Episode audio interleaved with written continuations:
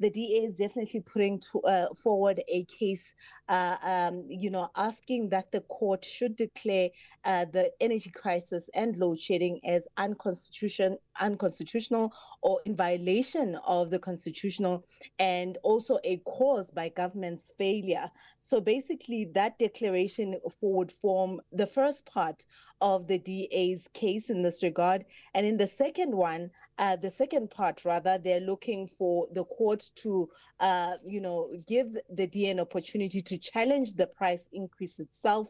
You'll remember that we've got that 18 uh, uh percent or 18.5 percent that's taking uh, that's going ahead in the 2022 uh, 23 financial year, and then next year uh, there's another increase that's also expected in, in the region of around 12 percent.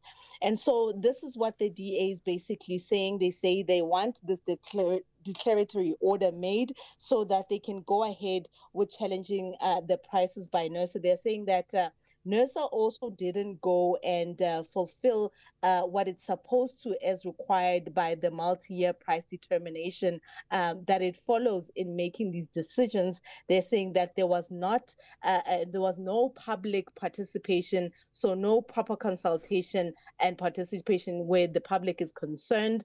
Um, because in that regard, they're saying that had that process uh, uh, been undertaken, then it would have been clear that most South Africans would not be able to afford this uh, proposed increase over the next two years. Well, very interestingly, there um, those arguments, and uh, the question is, what's going to happen now uh, going forward, Naledi?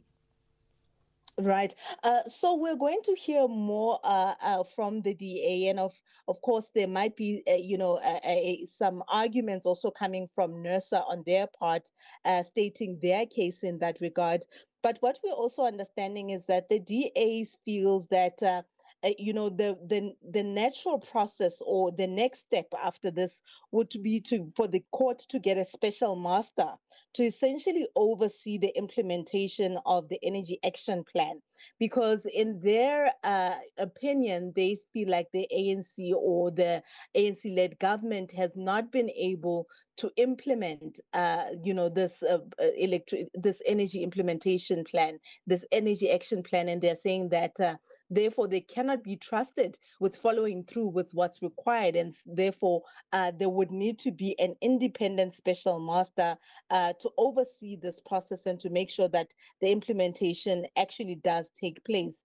And they gave examples of what they've been able to do in the Western Cape, saying that they're reducing their reliance on the on Eskom significantly, um, and have invested quite a, significant amount in that uh, in that uh, delinking from that reliance. They're saying that they've put away around seven billion rand which is going to be dedicated towards um, self generation. Uh, some municipalities in the in the Western Cape are, are going to going be going out on tender to make sure that they get some IPPs to start providing the necessary electricity so that uh, this monopoly that they they see from coming out of Eskom is reduced significantly.